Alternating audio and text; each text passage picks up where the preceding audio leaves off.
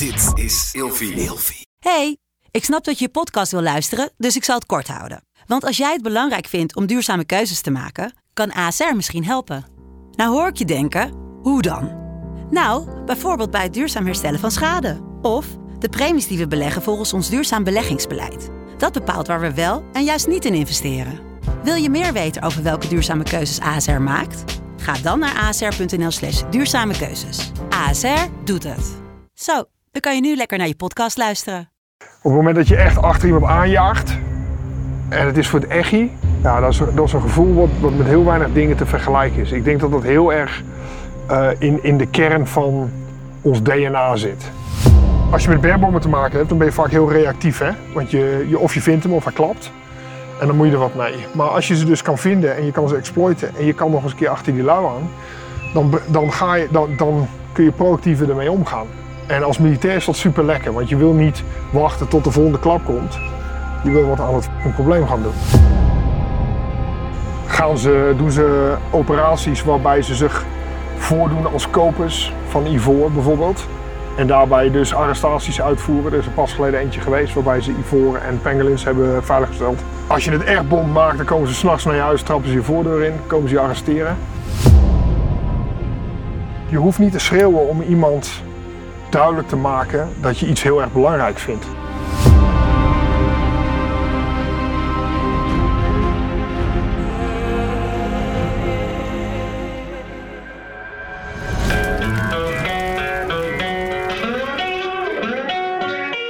Een bijzondere aflevering. We zijn in Zimbabwe zoals gezegd en ik ben met eh, Boris Vos. Ik ben een week bij jou op eh, bezoek geweest. Het was echt heel erg tof om hier te zijn en eh, alles te zien waar jij mee bezig bent. Ja, was heel leuk. Ja. Ik hoop dat de mensen dat binnenkort ook even een keer gaan zien wat we allemaal uitgesproken hebben hier zo. Maar ja, ja is tof. Vijf jaar geleden hebben wij een uh, scherpschutters opgenomen, aflevering 8. Dat is echt een van de allereerste geweest. Heel vroeg al, hè? Ja, ja, ja. En toen was je Alweer nog... Vijf jaar geleden. Ja, weer wat rimpels uh, verder. Ja, inderdaad. Voor de, mensen, voor de mensen die jou niet, die, die, die jou niet kennen, zou je nog kort willen voorstellen? Ja, wij kennen elkaar natuurlijk van, van het Corps Mariniers. We hebben ook een tijdje samen gediend bij, bij dezelfde eenheid. Um, dat is inmiddels echt al zo ontzettend lang geleden voor mijn gevoel. en um, ja, ik ben uiteindelijk in 2014 ben bij, heb ik het, de dienst verlaten. En toen ben ik samen met mijn vrouw zijn we een organisatie begonnen. Die heette toen nog Lead Ranger. Helemaal in het begin. Um, dat was ook niet heel lang daarna. Twee jaar daarna of zo, drie jaar daarna heb ik dan ook bij jou bij gezeten. ja, natuurlijk um, een hele hoop gebeurd in die periode. Naar waar we nu zijn. We zijn nu in Zimbabwe, vlakbij Lake Kariba. Je kan het helaas niet zien op de achtergrond, want het is net te heilig. Maar best wel een uh, ja, ontzettend gaaf gebied hier zo. Um, en uh, ja, wat ik zeg, een hoop, een hoop gebeurt. Een hoop dingen, een hoop ontwikkelingen, een hoop veranderingen. Ja. Nice. Dus, uh, het idee om hier dan een podcast op locatie te doen is omdat het mij heel tof lijkt omdat jij, zoals ik je van deze week ook natuurlijk alweer bezig heb gezien, je bent gewoon een van de trekking-specialist uh, van Nederland. Je bent gewoon supergoed in wat je doet. Dus ik zou het graag over de trekking willen hebben. Jij bent ook een van de trekkers binnen Hunted uh, in, Into the Wild. Hè? Ja, klopt. Daar kunnen mensen jou van kennen. En je hebt ook een hele gave serie opgenomen met UF Pro. Waarop ook als je interesse hebt in iets wat met tracking te maken heeft, zeker een aanrader is om even te gaan kijken. Want dat is ook echt heel leerzaam. Dan ben, je, dan ben je eigenlijk in een soort casus ja, dan loop jij eigenlijk alles langs terwijl je dan uitlegt wat jij ziet. Dus je kijkt eigenlijk gewoon letterlijk mee door de ogen van een trekker. En dat is natuurlijk super vet als je, als je daar een beetje interesse in hebt. En het andere waar ik het over wil hebben is natuurlijk, uh, zou je zelf eens even heel kort kunnen uitleggen wat uh, deed conservation, zoals het nu heet, wat het is. Ja, wij zijn eigenlijk, uh, als ik het probeer uit te leggen, wij zijn een soort force multiplier. Dus wat, wat wij doen is wij helpen frontline conservation organisaties om ja, effectiever te worden in wat ze doen. Dus, en dat doen we deels door het opleiden van rangers. En specifiek trainer-trainercourses. Want het is onze filosofie dat, dat een ranger een ranger zou moeten trainen. En um, omdat mensen de context kennen, omdat ze de taal kennen, omdat ze weten wat er speelt in zo'n gebied. En ja, wij helpen mensen dan, rangers, om dat om te zetten naar een instructeurschap, zodat ze dat ook kunnen, kunnen gaan uitleren aan anderen en die ervaring kunnen delen. Breng ook een paar dingen zelf in. Dus dat is één poot ervan en dat is wat voorheen Lead Ranger was. En we hebben daarnaast Lead Analyst er nu bij zitten, omdat we gezien hebben dat er een, eh, een gap is in zeg maar, het aanpakken van wildlife problems. Kijk, heel veel parken die zijn natuurlijk, uh, nou, ik noem het al, zijn firefighters. Elke, elke dag staat er wat in de fik en dat moet opgelost worden. Maar je komt dan eigenlijk niet toe aan structurele problemen waar je dan jaar in jaar uit tegenaan loopt en waar je heel veel resources tegenaan gooit, maar die maar niet weggaan. En dat is wat Lead Analyst dus brengt. We hebben Dr. Andrew Lemieux daarvoor aan boord, een hele slimme vent, um, die eigenlijk criminologie en theorieën vanuit het urban policing uh, in de afgelopen 15 jaar heeft omgezet in uh, zeg maar het gebruik in wildlife conservation. Dus wildlife problems. Um, en die combinatie is heel tof, want als je problem-solving ranges hebt in het veld en je hebt een problem-solving organisatie die dus uh, zeg maar problemen analyseert en, en bij de basis gaat aanpakken, dan krijg je een hele sterke, hele sterke combi. En ik denk dat dat het force multiplier deel is. We zijn maar een klein clubje. Maar we werken inmiddels met heel veel conservation organisaties, voornamelijk in Afrika. We hebben zelfs lui nu in Indonesië gehad. Ja, en je ziet gewoon dat die combi dat dat gewoon super goed werkt. Dus en, en dat is echt dat is waar wij zitten. De aardappel van conservation is voor heel veel organisaties het trainen van recruten en het bijhouden van wat de rangers doen.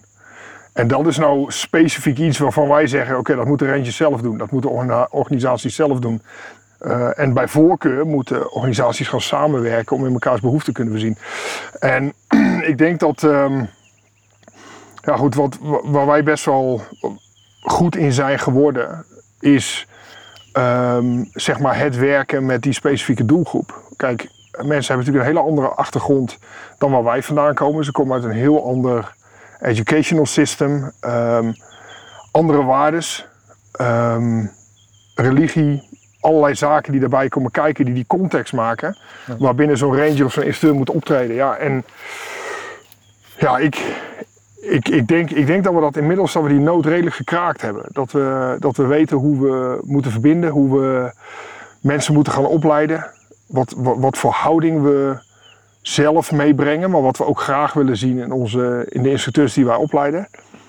Nou, en je ziet nu, we hebben nu inmiddels, uh, sinds de vorige keer dat wij gepraat hebben, hebben we inmiddels uh, nou, ruim 300 instructeurs gecertificeerd die op hun beurt, um, ja, de laatste count die we hadden, meer dan 5000 rangers in Afrika getraind hebben. Ja. en dat is, ja, dat is super tof. Ja, ja het is gewoon super vet. Ja. ja dat, dat, het heeft echt een olievlek uh, effect. Hè? Mm. Een beetje zoals elke, elke trainer die jullie trainen, die traint weer anderen. Dus het is een Precies. soort van, uh, het spreidt zich echt uit. Het is echt, ja, het is echt wel een inktvest. Soms noemen we het een soort van neural network. Want wat je ziet is, we hebben dus uh, in een aantal gebieden best wel een dichtheid aan instructeurs. En wat er dan gaat gebeuren is op organisatieniveau gaan die organisaties samenwerken. En die trainers die blijven bij elkaar in het netwerk en communiceren. En dan zegt een ene organisatie zegt van oké, wij willen graag recruiten gaan opleiden. Kunnen jullie ons jullie instructeurs lenen van de andere organisaties? En als jullie het dan gaan doen, dan gaan wij die van ons uitlenen. Dus er gebeurt, er gebeurt heel veel goede instructeur- en kennisuitwisseling eigenlijk met een gesloten beurs. En conservation, ja, dat is, is natuurlijk heel erg afhankelijk van donaties en dat soort zaken. Dus het is een hele efficiënte manier van omgaan met hè, het donengeld wat je hebt. En het werkt goed bij grote organisaties, maar het zijn ook de kleine organisaties die het lastiger hebben. Die natuurlijk op het moment dat ze niet meer voor training hoeven te betalen, omdat ze hun eigen trainers hebben, omdat ze buren hebben met trainers, ja, die, die zijn er ontzettend mee geholpen. Ja. Ja, ik heb deze week natuurlijk wat interviews gedaan. Wat ik wel echt eentje is uh, een quote die is blijven hangen van uh, Ruben. Uh, hmm. Die ook bij jou werkt. Mooie, mooie kerel met een ja. bak, bak, ervaring waar je echt u tegen zegt. Ja, hij is echt vanaf 92 zit hij al in de wildlife. En ja. daarvoor ja, het leger gezeten. Nog op, op het paard voorwaarts gegaan. Ja, ja. hij is de enige persoon die je kent die te paard daadwerkelijk gevechten is ingegaan. Hij is een veteraan van de Bush Wars. Uh, en daarna is hij in conservation gegaan. Die, die man heeft 30 jaar lang heeft die rangers opgeleid door heel Afrika heen. Maakt niet uit welk land je bent. Er komt een moment dat er een ranger uit, het uit een bosje komt lopen. En je raakt in gesprek en dan vragen ze: Do, uh, do you know Ruben de Kok?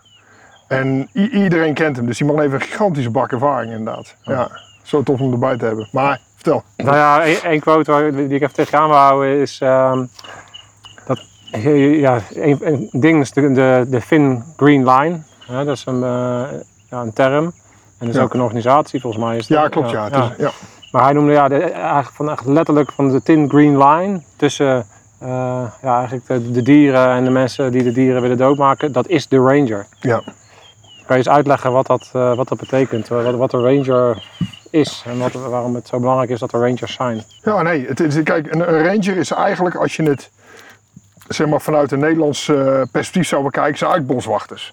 Het zijn mensen die zijn aangenomen om een bepaald gebied te monitoren, te beschermen, eh, te rapporteren als er, eh, hè, als er illegale activiteiten zijn. Alleen het verschil tussen een Nederlandse boswachter en een ranger in Afrika is gewoon dat er godschuwelijk veel geld verdiend kan worden met wildlife products.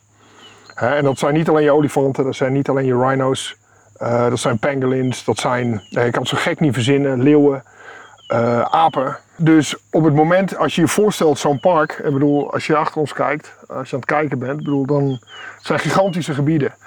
En als daar geen bescherming is, dan kunnen mensen doen wat ze willen doen. En hier in Zimbabwe, net als in veel andere landen in Afrika, is er gewoon eh, een hoge mate van werkeloosheid. Er is eh, heel veel armoede.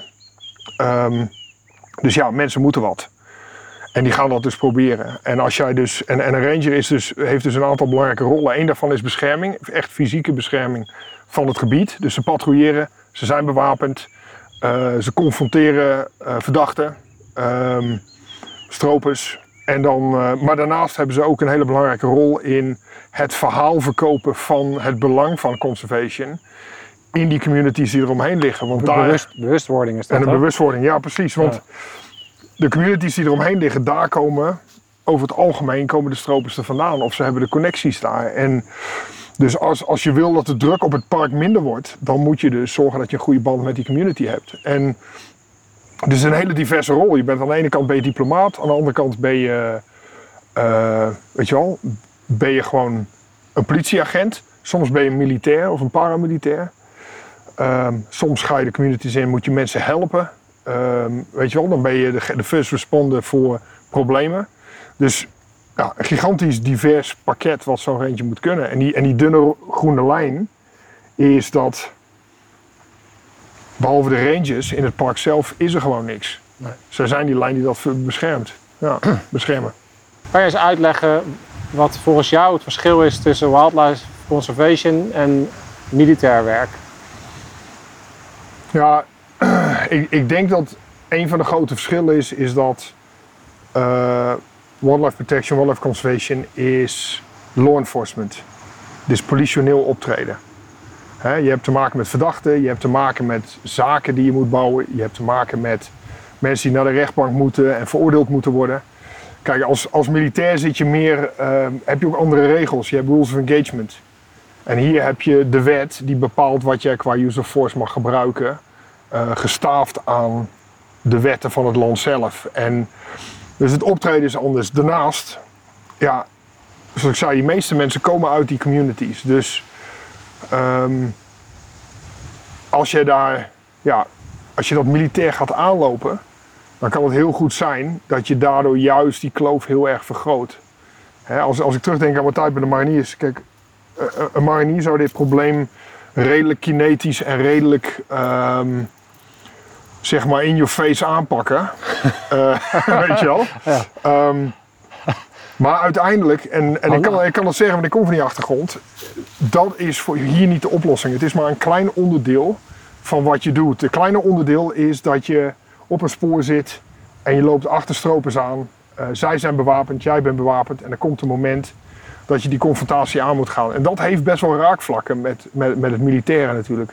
Kleine eenheden, patrouilleren, weinig ondersteuning. Dus je moet ja, eh, zelf goede beslissingen maken die misschien wel strategische impact hebben. Dus er, zit, er zitten echt wel raakvlakken in. Maar aan het einde van de dag is dit groene politie. En zijn het niet militairen die een bepaalde objective gaan behalen, weet je wel. En die mensen die de vijand gaan uitschakelen. Ja. Weet je wel, de vijand vernietigen. Dat is, dat is wat wat je doet als militair. Ja, dat is natuurlijk ook op social media, wat je natuurlijk ook die berichten dan krijgt. Ja, daar kan ik me aanmelden en dan eh, gaan we achter de laai aan. En Ja, maar dat, dat, is, is, natuurlijk een doodsteek voor de, voor de hele conservation eigenlijk ook, hè? dat soort eh, praktijken. Want eh, er zijn natuurlijk genoeg slechte voorbeelden ook eh, op te noemen die de wildlife alleen maar erger maken dan dat ze helpen. Nou, ik, ik, ik, kijk, ik snap het ergens wel. Want ik kan me best voorstellen dat mensen, mensen die om de natuur geven, die om, om dit soort plekken geven en die zien van wat het belang hiervan is, letterlijk voor de mensheid, dat we dit soort gebieden blijven behouden. Ik kan me voorstellen dat mensen boos worden. En ik, kan, en ik snap ook dat hè, internet is zijn eigen beest. En eh, die, soms wordt die boosheid, weet je wel, ongefilterd vertaald naar eh nou, whatever er uit die vingers stroomt.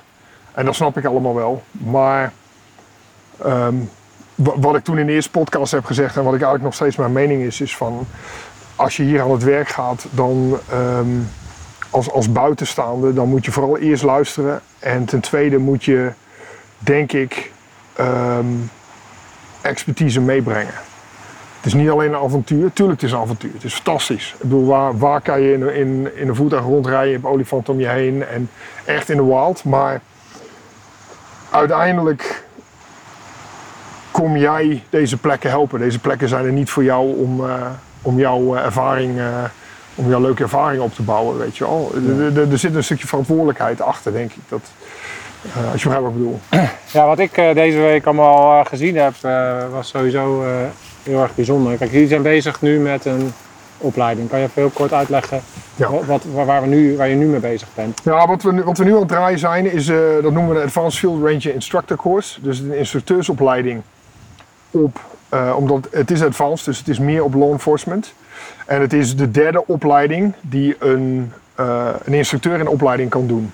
Dus De basis is heel erg, de basic course, Basic Field Ranger Instructor, zit heel erg op, eh, op veiligheid. Dat zit op first aid, wat wij Ranger Lifesaver noemen. Dat zit op preventive health. Dat zit op ehm snakebites, slangen, dat soort dingen. Dus dingen die direct impact hebben. En de methodieken die je daarvoor nodig hebt om dat uit te leren, die zijn, dat zijn echt basismethodieken. Dus als jij nog geen instructeursachtergrond hebt, is dat een perfect moment om in te stappen en te leren hoe je les geeft. Nou, als ze dat gedaan hebben, komen ze terug. Dan doen ze de Intermediate Field Range Instructor Course. En dat is een, eh, een opleiding die heel erg op conservation gericht is. Van hey, hoe kan ik nou een recruit uit de community nemen en enthousiast maken over dit. En ook veilig laten werken in zo'n gebied. Dus dan heb je het over natuurlijk flora, fauna. Er zit een stuk survival zit erin. Hè? Hoe kan je jezelf, eh, hoe kan je zorgen dat je je patrouille door kan laten gaan als je afgesneden bent van bevoorrading. Hè? Of je moet langer in het veld blijven. Of er is een noodsituatie.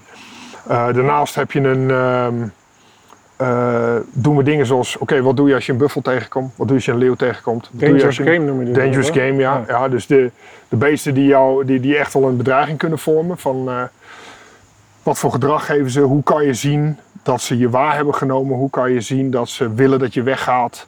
Hoe kan je zien wanneer ze een mock charge doen, een olifant? Hoe kan je zien wanneer het een echte charge is?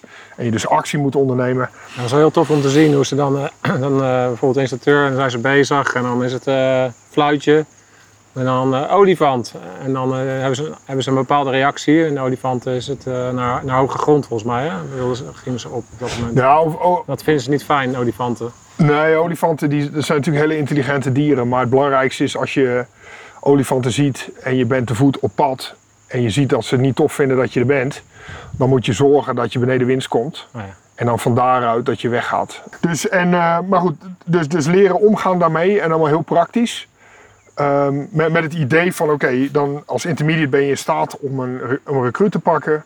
Comfortabel te maken in deze omgeving. Van de bush te houden ook. Want als, jij, als je iemand vraagt om iets te beschermen, dan moeten ze er eerst om geven. Ja. Weet je wel? Ja. En, dan, en als dat dan geweest is, en tussendoor hebben ze periodes dat ze zelf instructie geven bij hun eigen organisatie. Dus dan anderhalf, twee jaar later komen ze dan terug voor de advanced course. En dan hebben we het over eh, echt het, eh, het groene werk, zeg maar. Hè. Dus dan is het eh, patrouilles, COVID-patrols, het is eh, arrestatietechnieken in de bush. Wat natuurlijk een beetje anders is dan in de stad. Hè. Je kan je voorstellen dat die context veranderd. Ja, en die wilde dieren gaan ook niet weg. Dus dat is een, een, een extra complicatie die erbij komt bij dat soort zaken.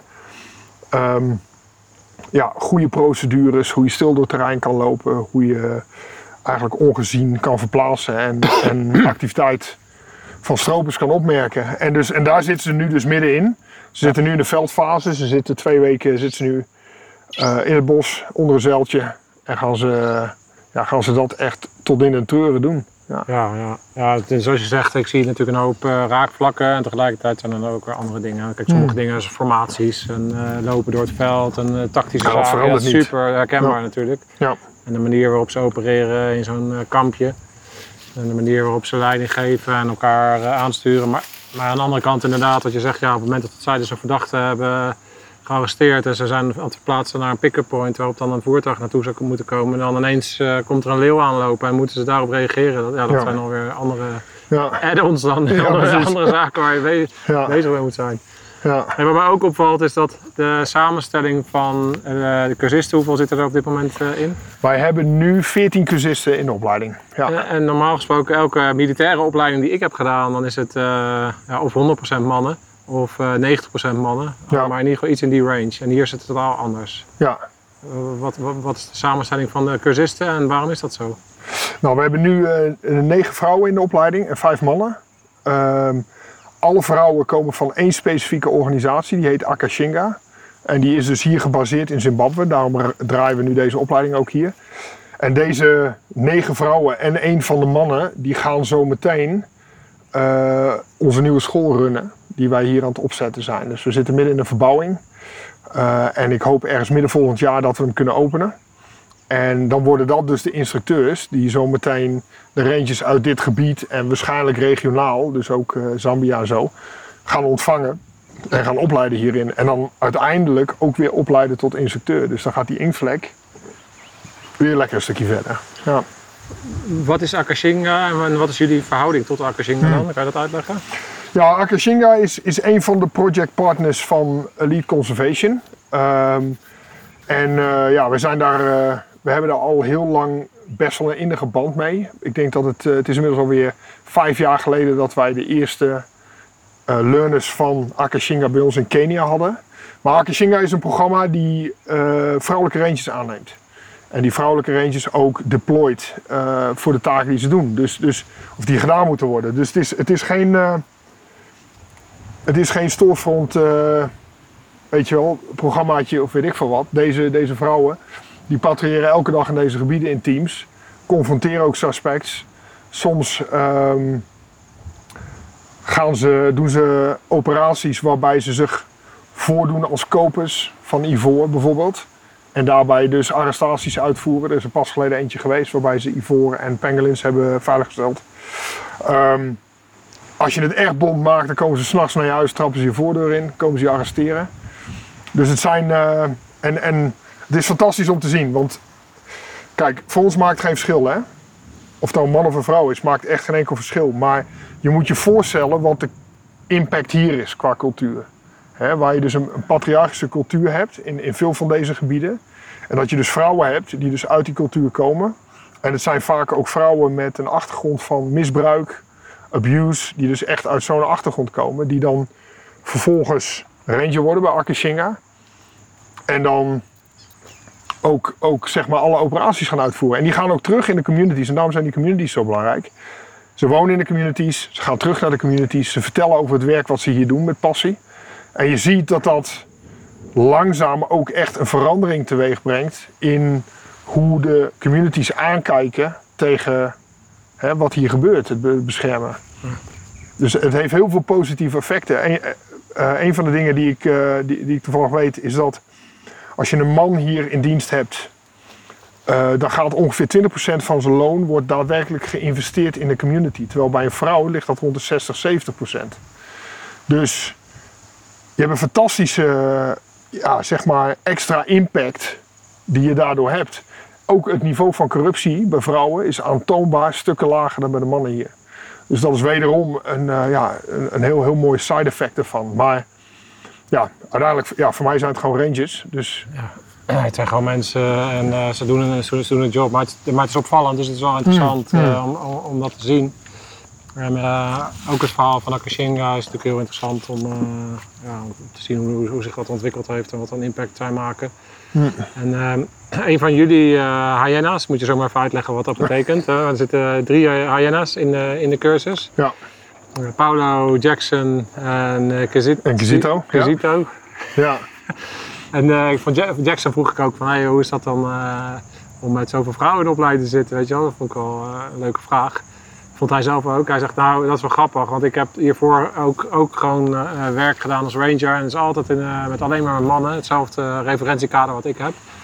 En hij zegt, ja, ehm, dus toen dacht ik ook van, ja, dit is gewoon zwaar werk. En eh, er zijn geen vrouwen die dat, eh, die dat op deze manier kunnen doen. Het is gewoon een mannen, mannenjob. Maar sinds ik hier eh, aan de slag ben, is mijn visie daarop gewoon 180 graden gedraaid. ja. Die vrouwen zijn regelmatig slimmer dan wij zijn. En het maakt niet uit wat voor een hardship zij te verduren krijgen. Zij pakken dat gewoon allemaal op. ja. En dat, ja, wellicht dat dat ook voortkomt natuurlijk uit het feit dat ze al wat mee hebben gemaakt. En Ja, ja. echt, van Er is niks wat wij hier doen wat erger is of dichterbij komt van waar ze vandaan komen. Weet je wel, ze hebben, ze hebben, ze hebben allemaal al een geschiedenis. Eh, wat ik zei, heel veel komen van de achtergrond van abuse. En eh, nou goed, je moet als opleider goed mee omgaan. En je moet heel alert zijn dat je dus, ehm, weet je wel, dat je niet over grenzen heen gaat die jij misschien niet ziet, maar die voor hun snoeihard zijn. Dus je moet daar wel, je moet daar wel eh, ehm, gevoelig voor zijn, denk ik. Maar ja, die vrouwen zijn al, die waren snoeihard toen ze door de poort liepen. Dat is, dat, daar hoeven we niks aan toe te voegen. Ik heb, ze, ik heb ze ook bezig gezien en eh, ja, ze zijn gewoon echt super serieus en gedreven. en, Ja. eh, geweldig, Ja, geweldig mooi om te Ja, zien. vet man. Ja. Wat, wat, we wel, wat wel, het laatste dingetje daarover, maar wat, ik wel, wel grappig vond, is, en dat is denk ik ook een cultureel dingetje, is dat ze, dat ze heel zacht praten. Ze zijn niet gewend om, mannen zijn een soort, we praten gewoon met, meteen een soort van met, met een volume. Ze, zijn- ze praten heel, heel zacht. Eh, heb jij een idee waar dat vandaan komt of hoe dat, hoe dat werkt? Ah, dat is een hele goede vraag. Als ik heel eerlijk ben, ik heb geen idee. Het, het is, ehm, nee, ik heb geen idee. Ik, ik, kan- ik kan er wel wat, eh, weet je wel, loze theorieën van, eh, Nou, van de ja, natte ja, loslaten. Maar, maar het is een feit. Kijk, en in principe in het veld is dat niet verkeerd. Nee, want ze moeten toch ze- Het, is- het is alleen lullig voor Ruben, want ja, die is inmiddels al wat ouder. En die, en die heeft, eh, die heeft eh, veel op de schietbaan gestaan zonder gehoorbescherming. Dus, die, dus die, die moet dan af en toe even vragen van, hé? Maar het grappige is dat zij, dat ik het, het ook niet hoor. En ik heb ook op de schietbaan gestaan, maar volgens mij, volgens mij doen mijn oren het nog steeds. Ik zet dan ook van, wat zeggen ze nou? Maar zij, maar zij horen elkaar dus wel. Ja, ja, ja. Het is een soort fluisteren en zij, zij begrijpen elkaar, zeg maar. Dat Nou, we zijn ook, echt eh, ingetuned op elkaar. Ja. Ja, ja. Ja. Ja, dat is bizar. Ja, ik, heb, ik bedoel, ik heb, ik heb geen kleine oren, maar ik heb ook af en toe, eh, af en toe vind ik het ook lastig, ja. Ja. ja maar ja, dat, nee. Als, als, dat is een dingetje. Maar even over die hyena's wat jij zei. Ja. We hebben dus drie gasten ook hier in de training. Dat zijn onze eigen, eigen trainers. Die zijn inmiddels 2,5 jaar, eh, bijna drie jaar zijn ze ook bij Lead. zijn oud rangers die wij hebben opgeleid om uiteindelijk trainer van trainers te worden. En eh, dit was nog het laatste puzzelstukje, die advanced course die ze even moeten hebben. Ja. Eh, het grappige is, ik, ik- ja, we zien nu al dat ze staan te popelen om het zelf te gaan draaien. Ze hebben echt zoiets van, nou, zorgen dat deze cursus voorbij is, dan kunnen we zelf aan de bak. Maar zij heten, ik denk dat je daarheen wilde, hè, waarom ze die hyena's heten. eh, Nou ja. Maar het was eh, twee jaar geleden zijn we, voor de, zijn we toen op een gegeven moment met z'n vieren, eh, drie hyena's en ikzelf, zijn we naar Ghana gegaan voor een opleiding. En dat was de eerste die zij als trainers gingen draaien. En ik had tegen ze gezegd van nou, ik ga gewoon met jullie mee en ik blijf met jullie meegaan totdat jullie zeggen dat je er klaar voor bent om het alleen te doen. Nou, dat was halverwege die cursus. Toen hadden al zoiets van nou, als jij nou gewoon lekker op zou het. Want eh, we hebben dit in de tas en dat hebben ze ook.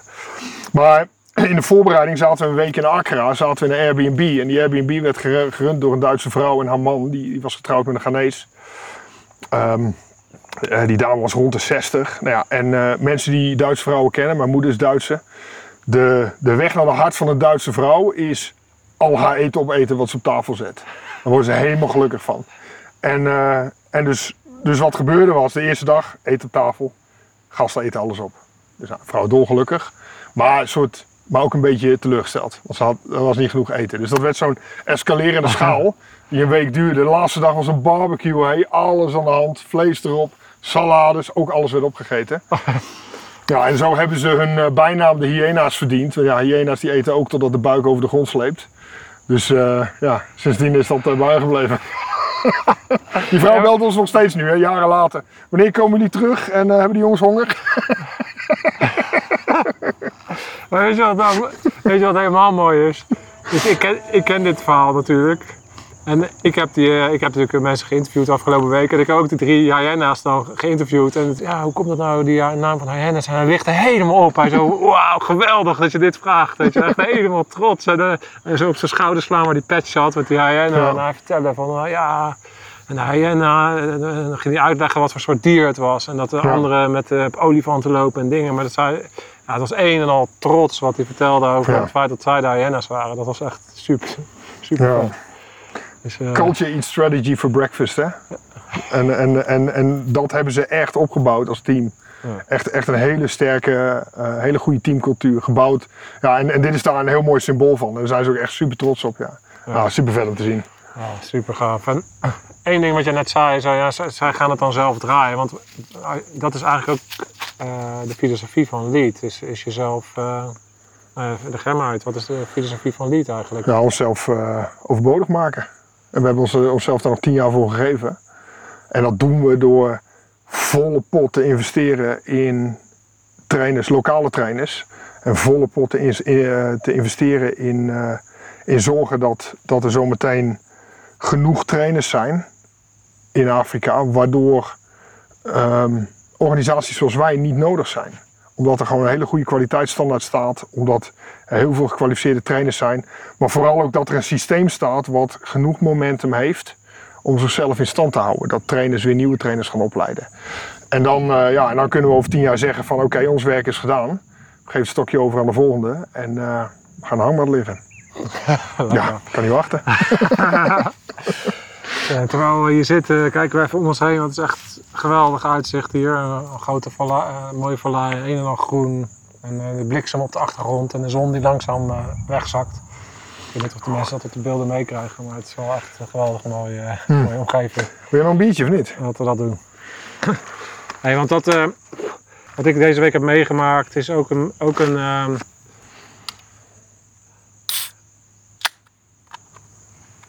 Blijft mooi, hè? Sorry hoor, ik moet even... Misschien wat, misschien wat het mooiste geluid van de wereld. Ja, ja, ja, want we hebben deze hele week ook vegetarisch gegeten. Hoor. We gaan zo Ja. meteen eh, om de week af te sluiten een lekkere. Eh, we zijn voor het eerst even een soort van bewoonde wereld hierachter. Dus dan gaan we even de week afsluiten. Hmm. Eh, hard werken, hard ontspannen, toch? Ja, zo is het. Dus cheers houden. Ja, proost. Hey, maar dat- de manier van opleiden. En ik denk eh, een van de, key dingen van Lead, die heb je al genoemd. Hè? Dus oké, de manier waarop jullie de impact zien, hè, Mhm. eh, heb je verteld. Ehm, en het andere wat ik zie is de manier van opleiden is gewoon zo anders dan wat ik gewend ben. Kijk, bij militaire opleidingen, daar gaan, het gaan al zoveel, zoveel afleveringen van scherpschutters gaan natuurlijk al over, weet je wel. Het is gewoon eh, hardcore, het is gewoon eh, afzeiken en het is fysiek to, to the max. En het is gewoon gaan, rammen met je kadaver en alles erop en eraan. Maar die, die sfeer in dat hele kamp is gewoon geweldig. Ik bedoel, de instructeurs, er is ruimte voor grapjes. Dus, en, en eh, geloof me, er wordt hard gewerkt en, eh, alles, alles, alles gebeurt er gewoon wat er ook moet gebeuren. Maar, het- maar er is gewoon ruimte voor menselijke interactie. Hm. En, eh, en voor, ja, voor een grapje en een dingetje. En, en kan je eens uitleggen waarom dat is en hoe dat ontwikkeld is en waarom jullie op deze manier deze mensen opleiden? Wat zit er allemaal achter? Nou, het, het simpele antwoord is, is dat dit het beste werkt voor ons. Dat is het simpele antwoord. Eh, maar ik denk, als je er wat verder naar kijkt, is dat... ehm, kijk, opleiden is natuurlijk een deel het overdragen van kennis en vaardigheden. Ehm, maar er zit ook een heel groot vormend aspect bij. Dus ja, wa- wat wil je zo meteen wat de mensen die je opleidt gaan doen in de werkelijkheid? Dus je moet heel vroeg moet je een stap maken naar eh extensieke eh, discipline. Wat doe je ook? Oh, zitten we in omhoog. Oké, sorry.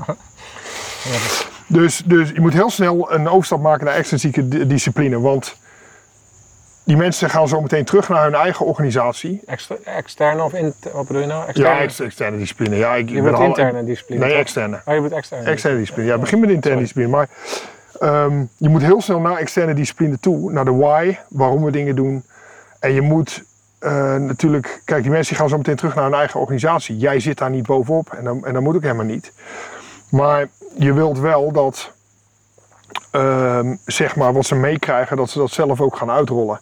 En het is best wel een complex ding. Ik heb er ook wel eens eerder, volgens mij ook wel eens eerder over gepraat in de andere podcast. Maar ehm, kijk, het, het eh, educational system hier is heel anders dan bij ons. Ehm, heel veel, zeker in, in eh, Anglo-Saxisch of eh Anglofoon Afrika. ehm, hè, scholieren gaan naar een, eh, een ehm, die gaan intern op een school. Het is heel erg oldschool. Als je fouten maakt of als je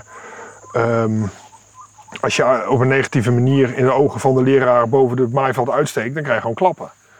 En zonder uitzondering, iedereen die we in de cursus hebben gehad, want we hebben een, bepaalde, een, een bepaald moment in de opleiding dat we daarover praten, dat we dat discussiëren, zonder uitzondering. Iedereen heeft klappen gehad tijdens de opleidingen. Dus wat gebeurt er dan? dan wat je heel erg ziet, en voor die, als ze bij de basic course binnenkomen, dan zie je gewoon dat, ehm, dat mensen, weet je wel, geen vragen willen stellen. Zeker niet de instructeur willen challengen. Zeker geen fouten willen maken. Ja, dan krijg je dus een hele artificial omgeving waarin mensen niet, niet echt, eh, eh, ja, ik ben half in het Engels bezig, maar dan komt ik hele dag Engels praten. Eh, Echt dingen gaan exploren, dat gebeurt gewoon niet. Dus je neemt aan wat je krijgt en dan stop je ergens weg en dan, en dan ga je weer weg. Dus wat voor ons heel belangrijk is, is dat we heel vroeg in de opleidingen dat we dat overbruggen. Leren hier is veilig. Als je fouten maakt, dan, als het honest mistakes zijn, dan is dat iets goeds. Want daar kunnen we allemaal van leren, daar gaan we over praten.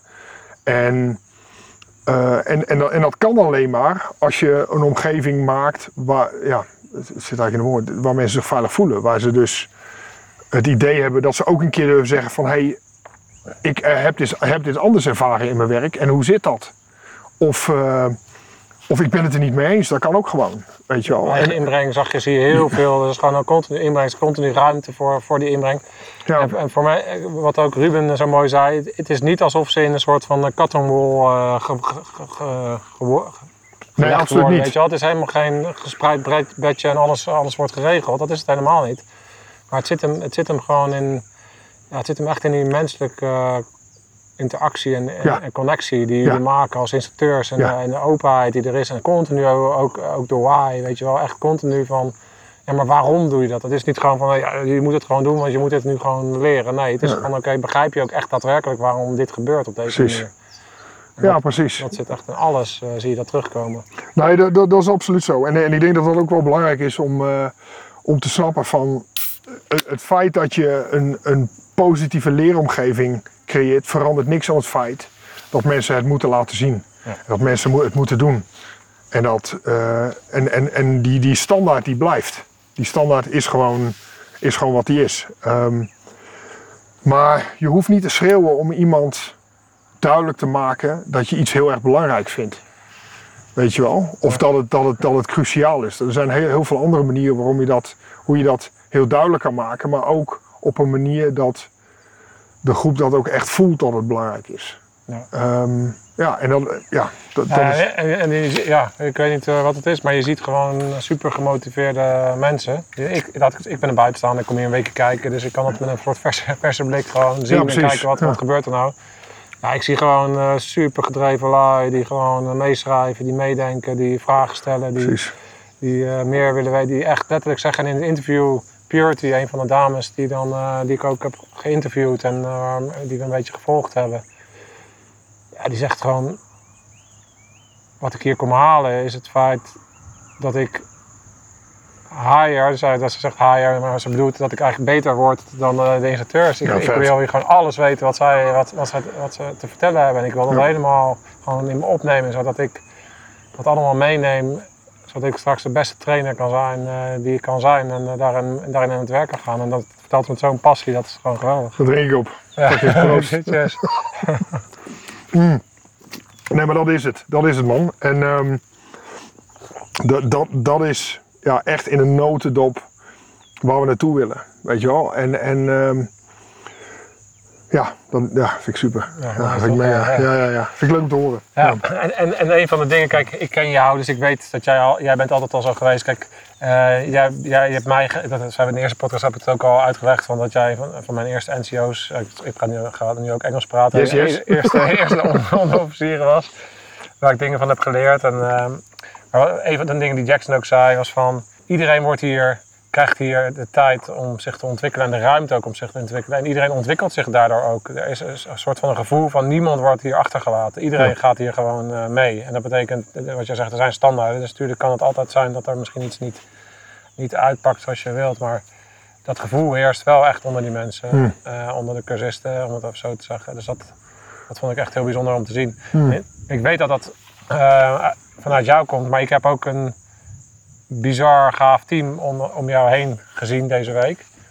En eh, het is niet alleen maar jij, maar het zijn ook die mensen eh, die. eh, Het is vooral het team. Ja, En, Ja, dat, en, zeg en, jij. en, en- en dat zeg ik niet omdat, omdat je dat moet zeggen. Nee. Dat meen ik echt. Hè, want je, je hebt ook gezien dat ik ehm, best wel een, eh, zeg maar, een stap terug heb. En dat, de ruim, dat, dat, dat hun heel veel van die dingen draaien en die ruimte hebben. Nou, maar ik heb, weet je, ik, ik heb en de meest ervaren Afrikaanse ranger trainer in mijn team. Ik heb een van de beste NCO's in mijn ogen van het korps heb ik binnen kunnen halen. Ik heb de nummer 1 op het, op het gebied van Problem-Oriented Wildlife Protection, Andrew, hebben we aan boord. Daarnaast hebben we eh Stanny aan boord, die gewoon Wat een vent. ja, fantastische gast. Geweldig. Die, die zou je eigenlijk eens een keer voor. Maar ik, ik denk niet dat die. Ik weet niet of het zijn ding is, maar die gast is, eh, die is bij Luchtmobiel begonnen. Die heeft een aantal jaar gediend en die is toen. Die was, die was heel erg bezig met survival. Die is op een gegeven moment voor Woody in Schotland gaan werken. Toen is hij voor, voor Ray Mears gaan werken als instructeur. En nu is hij de survival consultant voor Bear Grylls en voor dat soort lui. Die vent heeft op elk continent op aarde heeft hij, eh, in de bush rondgelopen. En je ziet het ook aan hem. Hij, dat, dat, is, dat is wat hij goed kan. Ik heb En nog nooit die- iemand gezien die zo comfortabel in de bush is. Het maakt niet uit Dat is ongelooflijk. hoe, eh, vandaag hebben we hagel gehad zelfs. Ja, ja, ja. Maakt er allemaal niet uit. Hij ziet er altijd uh, limpie limpie uit. Ja. ja, ik weet niet hoe hij het doet hoor. Ik Maar weet het eh, niet. hij komt uit het oosten van het land, dus is een kalme vent. En Altijd vriendelijk en Ja. chill en met een lach en Ja. super hard werkend. de- ja, gewoon, ja, precies. ja. En dan hebben we daarnaast nog natuurlijk de hyena's. En dat zijn, ja, dat, dat zijn onze beloftes. Dat zijn degenen die ons zo meteen En- de organisatie uit gaan drukken. Dus ja, het is gewoon een waanzinnig team joh. En je vergeet er nog eentje, die zit op je vinger. Ja, dat is mijn vrouw. Ja, Dominique. Ja, die is, die, die is de grote baas. ja, klopt. Dat is echt de generaal. Ja, nee, nee, maar die is, ja, de blonde generaal noem ik hem. Maar zij is, eh, zij is nu na een uitstap naar Akashinga van twee jaar, waarbij ze de organisatie gereorganiseerd heeft, is eh, nu deels weer bij lead. Omdat zij gewoon, eh, ja, ik ben super biased natuurlijk. En, ehm, maar zij is zo ongelooflijk analytisch sterk en zij is zo goed in eh, structuur aanbrengen en, en bewaken binnen een organisatie. Dat, dat heb ik nog niet zo meegemaakt. Ik, ik, eh, nou goed, ik deel bed met haar, maar aan de andere kant als, als, ja, kan ik me gewoon geen betere ja, directeur voor, voor, voorstellen. Eh, ja, en en dat, dat is wel iets waar ik echt wel eh, ja, heel erg gelukkig mee ben. Dat ik gewoon eh, ja, met mijn vrouw dit soort, dit soort shit kan doen. Dat is echt gewoon waanzinnig. Nou, dat heb je mooi voor elkaar. En, wat, het andere wat me ook opvalt, ik weet niet of dat iets is wat, het viel me in Kenia ook al op, hoe heel erg vriendelijk die mensen zijn die ik daar allemaal ontmoet heb. Het is voor mijn ervaring normaal in Afrika. Oh ja. Er is, ehm, dat, dat is een van de dingen die me heel erg trekt. Het is, eh, eh, er is een hele sterke sense of community. En dat zie je in alles, in de sociale verbindingen, dus in, in hoe mensen dingen overleggen, hoe beslissingen worden genomen. Maar het is ook, ja, what you see is what you get over het algemeen. Weet je wel, dus, dus ehm, en in, ja, waar, waar, waar wij als Nederlanders soms goed in zijn, hè, een stukje sarcasme of een stukje cynisme, om zeg maar aan te geven van nou ik neem dit niet super serieus of dit, dit is wat ik er echt van vind, is dat, dat, dat, dat merk je hier niet zo heel veel bij mensen. Wat, wat ze zeggen, dat menen ze en dat bedoelen ze ook, letterlijk. En, dus het is een hele, ja, hele eendimensionale manier van connecten met elkaar. En dat is, ja, dat is best wel tof. Ja. Ja. Over een jaar of tien dan zie ik jou in je hangmat en dan eh, zijn er inmiddels... eh, Nou, ik hoop dat je, dat je, dat je aan, de boom, eh, aan de andere kant van de boom hangt. Tegen die tijd hebben we ook wel de leeftijd. Ik bedoel, als ik die grijze haren van je zie, is het wel, gaan we er wel in. Het is tijd voor, voor, Ja. voor mijn hangmat ook, zeg maar. Ja, maar dat, dat is het ook, weet je wel. Die metafoor van wat ik heel vroeg van ervaren rangers heb geleerd. Van conservation is geen sprint, het is een, een, het is een estafette run, weet je wel. Dus er komt een moment, dan pak je dat stokje op. En dan loop je ermee eh to, your best of your, to the best of your ability. En dan komt er een moment, dan geef je dat stokje weer over. En dan gaat de volgende club, die gaat daarmee lopen. En op die manier hou je, hou je het in stand. En, en blijf je doorgaan en blijf je groeien. Dus, dus, eh, ik, eh, dus, dus vandaar die tien jaar. Maar ook vandaar echt wel het hele sterke idee dat, dat de aankomende tien jaar, dat, dat gaat hem zijn. En dan gaan andere mensen het doen. Ja. Ja, dat is ook mooi, want dat is ook de reden dat ik hier ben, is om een video te maken. En die gaat eigenlijk over vier generaties. Ik heb Ja. vier generaties geïnterviewd. Kan je Ja, uitleggen vet, wat, dat, eh, wat dat is? En, Ja, nou ja, dat is begonnen bij Ruben natuurlijk. Ehm, nou, zoals ik zei, die man die, eh, die heeft zo'n godschuwelijke bak ervaring. Als je ook met hem op het kampvuur zit, die heeft een verhaal voor elke situatie. Ehm, hij is heel goed in karaoke. Ehm, maar die, eh, maar goed, die, die, is, die, die heeft zijn sporen verdiend in de tijd van de Rhino Poaching Crisis, toen het echt op zijn top was. En dat was de tijd waar ehm, heel veel mensen die uit de Bush Wars kwamen, die toen in Afrika had, die toen nog werden ingezet voor. ehm Oh, er komt even een aap door de boom. ja, straks gewoon mijn bier afblijven, is niks aan hand. maar die, ehm, die heeft zijn sporen echt verdiend toen de tijd. En die is ja, heel vroeg met wat hij geleerd heeft tijdens de Bush Wars, is die, die Rhino Poaching Crisis gaan aanpakken. En dat was echt grim. Er waren echt wel plekken waar. Door, hij kan verhalen vertellen dat hij ergens eh, training gaat geven in de DRC. En dan, eh, en dan komt hij aan en dan krijgt hij een AK-47 in zijn hand gedrukt. Van nou, dit is je wapen voor de aankomende twee weken. En hier is je Chesarik. En dezelfde avond, en dan was er samen met zijn vrouw, waarmee hij samen training deed. eh, Marianne, wordt de corporal genoemd. Is geen minder dame. Maar die zijn dan dezelfde avond in de stand-to-positie liggen en een aanval aan het afslaan zijn van, eh, van rebellen, weet je wel. Dat was, dat was toen. Dat was toen echt wel op sommige plekken, plekken schering en inslag. Dus da- daar komt hij vandaan. Maar toen, en dan van daaruit, en dan heb je de volgende generatie. Nou ja, dat, dat, dat is dan zeg maar mijn generatie, die, die dan daar ongeveer een jaar of 20, 25 achter zit. Ehm, en dan heb je de volgende generatie voor ons binnen onze organisatie, dat zijn de hyena's. Dat zijn eigenlijk de, ja, de next step, zeg maar. En dan heb je nu mensen zoals Purity van Akashinga, die eigenlijk ehm, ja, de volgende stap zijn. En ze, ze hebben allemaal hun eigen context en dingen. Ik bedoel, vraag aan Ruben niet om eh, Instagram of TikTok, TikTok op te starten. Want dan heeft hij gewoon, eh, heeft hij gewoon een vastloper. Ja. Dus, dus ja, de wereld verandert. Conservation blijft. En die generaties die pakken dat allemaal op hun eigen manier op. En dat zie je dus wel heel tof daarin terug. Ja. Ja, Daarin, eh, jij, bent, jij doet eh, Into the Wild, ja, eh Hunted Into the Wild. En je hebt eh, voor Youth Pro een serie gemaakt. ja. Wat is trekking eigenlijk en hoe is dat bij jou een beetje begonnen en hoe heb je je daarin ontwikkeld? Ja, nou ja, goed. Ik, eh, trekking is eh, heel simpel gezegd, is ehm, zeg maar de, de, de, de, de vaardigheid om kleine veranderingen in het terrein waar te nemen. Wat veroorzaakt is omdat bijvoorbeeld een mens voorbij komt, of een machine voorbij komt, of een dier. Ehm, en, en dat dus te kunnen zien, te kunnen interpreteren en daar dan eventueel, you know, weet je wel, in sommige gevallen zelfs achteraan te kunnen gaan. En ehm, het heeft me altijd heel erg getrokken. Zelfs eh, voordat ik bij de Mariniers begon, was er eigenlijk een, eh, een periode dat ik. Ja, goed, ik, ik ben altijd heel erg geïnteresseerd geweest in landoptreden. Ik weet niet waarom ik specifiek de Mariniers heb gekozen, los van dat het een waanzinnig gave club is. Maar water heb ik niet zo heel veel mee. Zodra ik op land sta, dan, eh, dan, dan begin ik een beetje uit de verf te komen. En dus ja, in mijn achtergrond, alles, alles heeft daar naartoe gewezen. Ik ben Jungle Warfare instructeur geworden, ben sniper instructeur geworden en dan ook dat trekking. En het idee dat je dus sporen kan zien van iemand die dus al uren voorbij is en dat je die sporen kan volgen en dat je die vent uit zijn putje kan trekken, ja, dat vond ik waanzinnig. Een wa- waanzinnig iets. Dus heb eerst heb ik gewoon boeken gelezen erover. In Nederland was die expertise heel lang geleden was er wel. Maar qua militair trekking, maar die is helemaal verwaterd. Die expertise was er niet meer. En toen ehm, hadden we op een gegeven moment, eh, was ik in Brunei voor de Jungle Warfare Instructors Course. En die SMI die er eh, rondliep, Noel Ford, die kwam van, eh van Herford af. En ik kan me nog heel goed herinneren, we hebben op een gegeven moment hebben een camp attack gedaan, een live camp attack. En na die camp attack moesten we terug naar onze FOB eh, voor admin. Dus het was eigenlijk afgelopen. En ik liep voorop als pointmine en Noel die zegt van, hey Boris, kijk eens hier, zie je dit? Zij wezen op de grond en dat waren de sporen van een groep van vier Gurkha's die voor ons al uitgelopen waren. Naar datzelfde kamp toe, want het was afgelopen. Hij zegt, zie je dit, zie je dit? Ja, zie ik. Zie je de volgende? Ja, die zie ik ook. Zie je die daarna ook? Ja, die zie ik ook. Oké, ga er maar achteraan.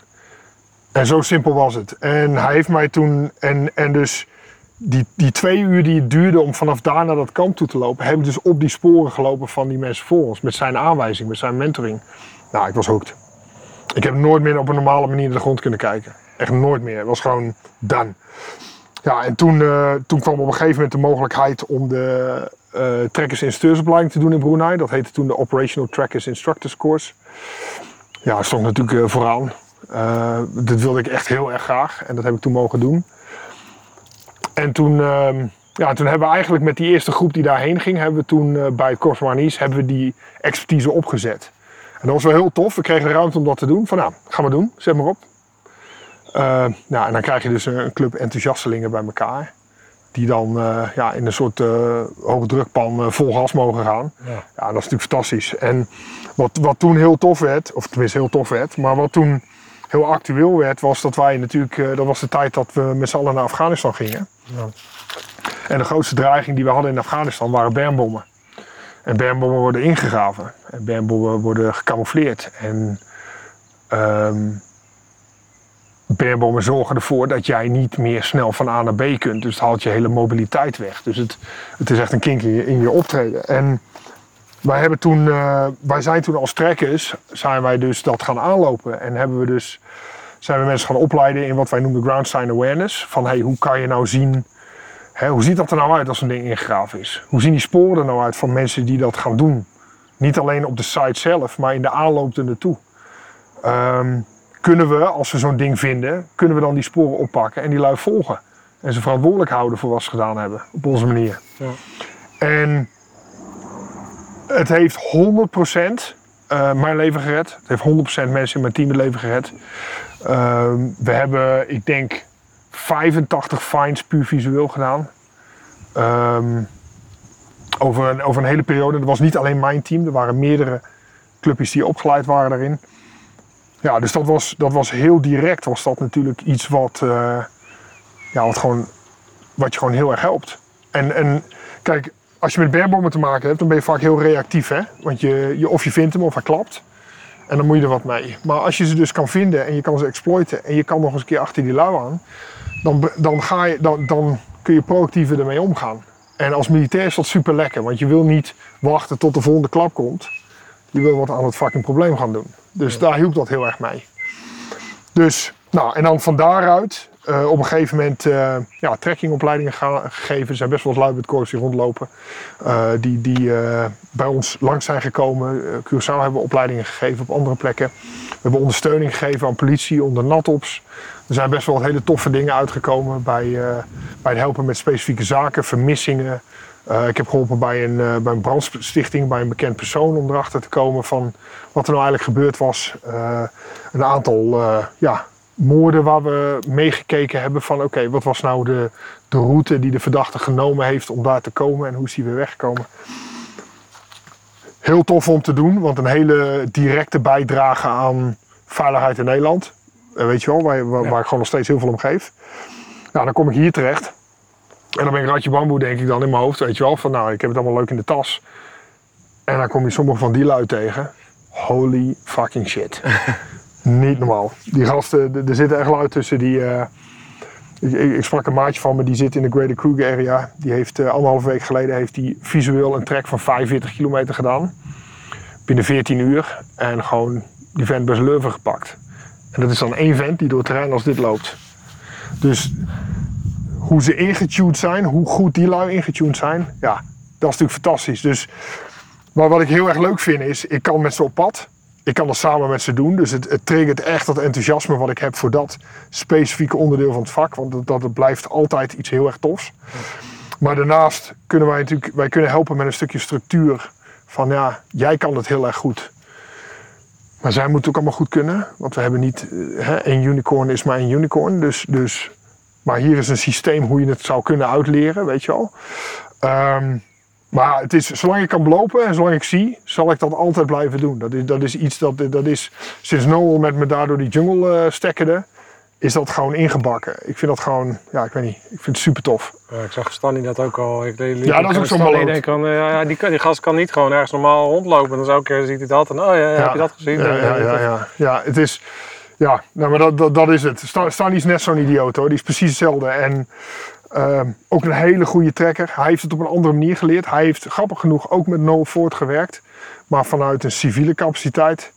Uh, maar hij heeft dan weer op heel veel plekken op aarde heeft hij het kunnen doen met verschillende indigenous trekkers. Dus die heeft weer een, ja, een, andere, een andere vantage point op hetzelfde onderwerp. Daarom, daarom werk ik ook super met hem samen. We lachen ons elke keer kapot, joh. Vind het zo leuk. Het is echt een bromance. Uh, echt, echt bizar. Maar nee, dat is, ja, die, die moet ik in de gaten houden. Dat is ook een hele goeie. Ja. ja. wat, zou je, wat zou je luisteraars willen meegeven die interesse hebben in het vak? Wat, wat, wat, wat moet je doen en wat moet je niet doen? Nou, tof is, in Nederland zijn er inmiddels uh, uh, mensen bij de politie die zijn opgeleid als instructeurs. Dus die, uh, die, die draaien nu zelf ook die cursussen. Nou ja, bij het Korps Mariniers kom je 100% zeker aan de beurt. Um, ik denk, ik, het is een van die dingen die je gewoon moet doen. Um, en het is echt zo'n 10.000 uur verhaal, weet je wel. Het levert je ook helemaal niks op in het begin. Het, je, je, je wint er niks mee, behalve dat je langzaam steeds beter wordt in intunen in zo'n gebied. En ik denk dat dat wel is, kijk, voor mensen die ambiëren om bijvoorbeeld uh, vanuit een, een, officiële baan, hè, bij de overheid, dit soort dingen te doen, um, dan. Ja, je, je wordt heel snel heel erg goed in dit soort terrein. Ja. Want je gaat gewoon dingen zien die andere mensen dan misschien niet zien. En het is geen competitie, maar je draagt dan als, als individu heel, heel veel bij aan een team. Omdat je gewoon heel erg opmerkzaam bent op kleine veranderingen, op dat soort zaken. En het is, en het is gewoon heel toffe expertise. Er is, op het moment dat je echt achter iemand aanjaagt, en het is voor het echi, dan. Ja, dat is, dat is een gevoel wat, wat met heel weinig dingen te vergelijken is. Ik denk dat dat heel erg uh, in, in de kern van ons DNA zit. Uh, zo voelt het dan echt. Het is, je zit heel erg in het moment. Het is, uh, het is fantastisch. Ja, ik kan bijna niet, ik kan bijna niet anders zeggen. Nee. Volgens mij, uh... Volgens mij moeten we afbreken jongens. Een beetje een gekke aflevering. Het gaat hier nu denk ik zo meteen heel hard regenen. Het begint nu te regenen. Dus we gaan hem even afronden. Anders gaat, mijn apparatuur naar de kloten. naar de kloten? Dus bedankt dat jullie hebben geluisterd of hebben gekeken.